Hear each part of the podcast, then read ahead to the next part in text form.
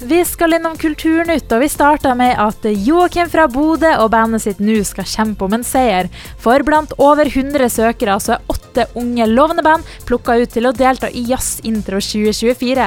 Gjennom vinteren og våren spiller de på noen av landets største jazzklubber, og under Molde Jazz i juli så vil ett av bandene bli kåra til årets unge jazzmusikere 2024.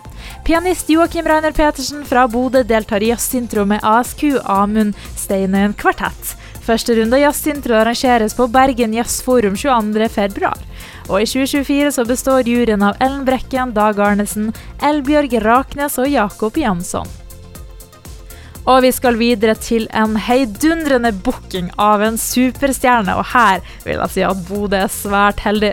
Bodø 2024 og Parkenfestivalen slår seg nemlig sammen for å hente publikumsfavoritten Brian Adams tilbake til Bodø. Den canadiske hitmaskinen skal stå på scenen i Nordlandshallen 2.7. Det skriver Parkenfestivalen og Bodø 2024 i en pressemelding. De to aktørene har siden Bodø fått status som europeisk kulturhovedstad sett på muligheten for å slå seg sammen om en stor konsert, og nå er det altså klart at Bryan Adams kommer til Bodø. Veteranen har hele 17 studioalbum bak seg og mottatt en rekke priser og utmerkelser.